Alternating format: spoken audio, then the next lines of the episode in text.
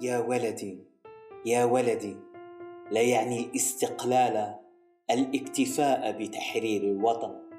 بل بخدمته والنهوض به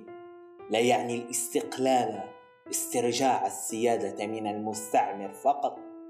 بل المحافظة على استقراره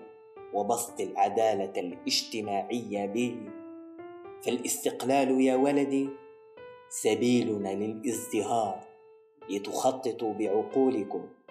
وترسموا ملامح الجزائر الجديدة كما كان يحلم بها الأمير عبد القادر والعربي بن مهيدي ومصطفى موب العيد وعميروش والحواس فأنت يا ولدي من تكتب تاريخ اليوم بعد أن كتبه أجدادنا بدمائهم الزكية. فأنت الحامل الوطن وأنت مهندس وحدته وازدهاره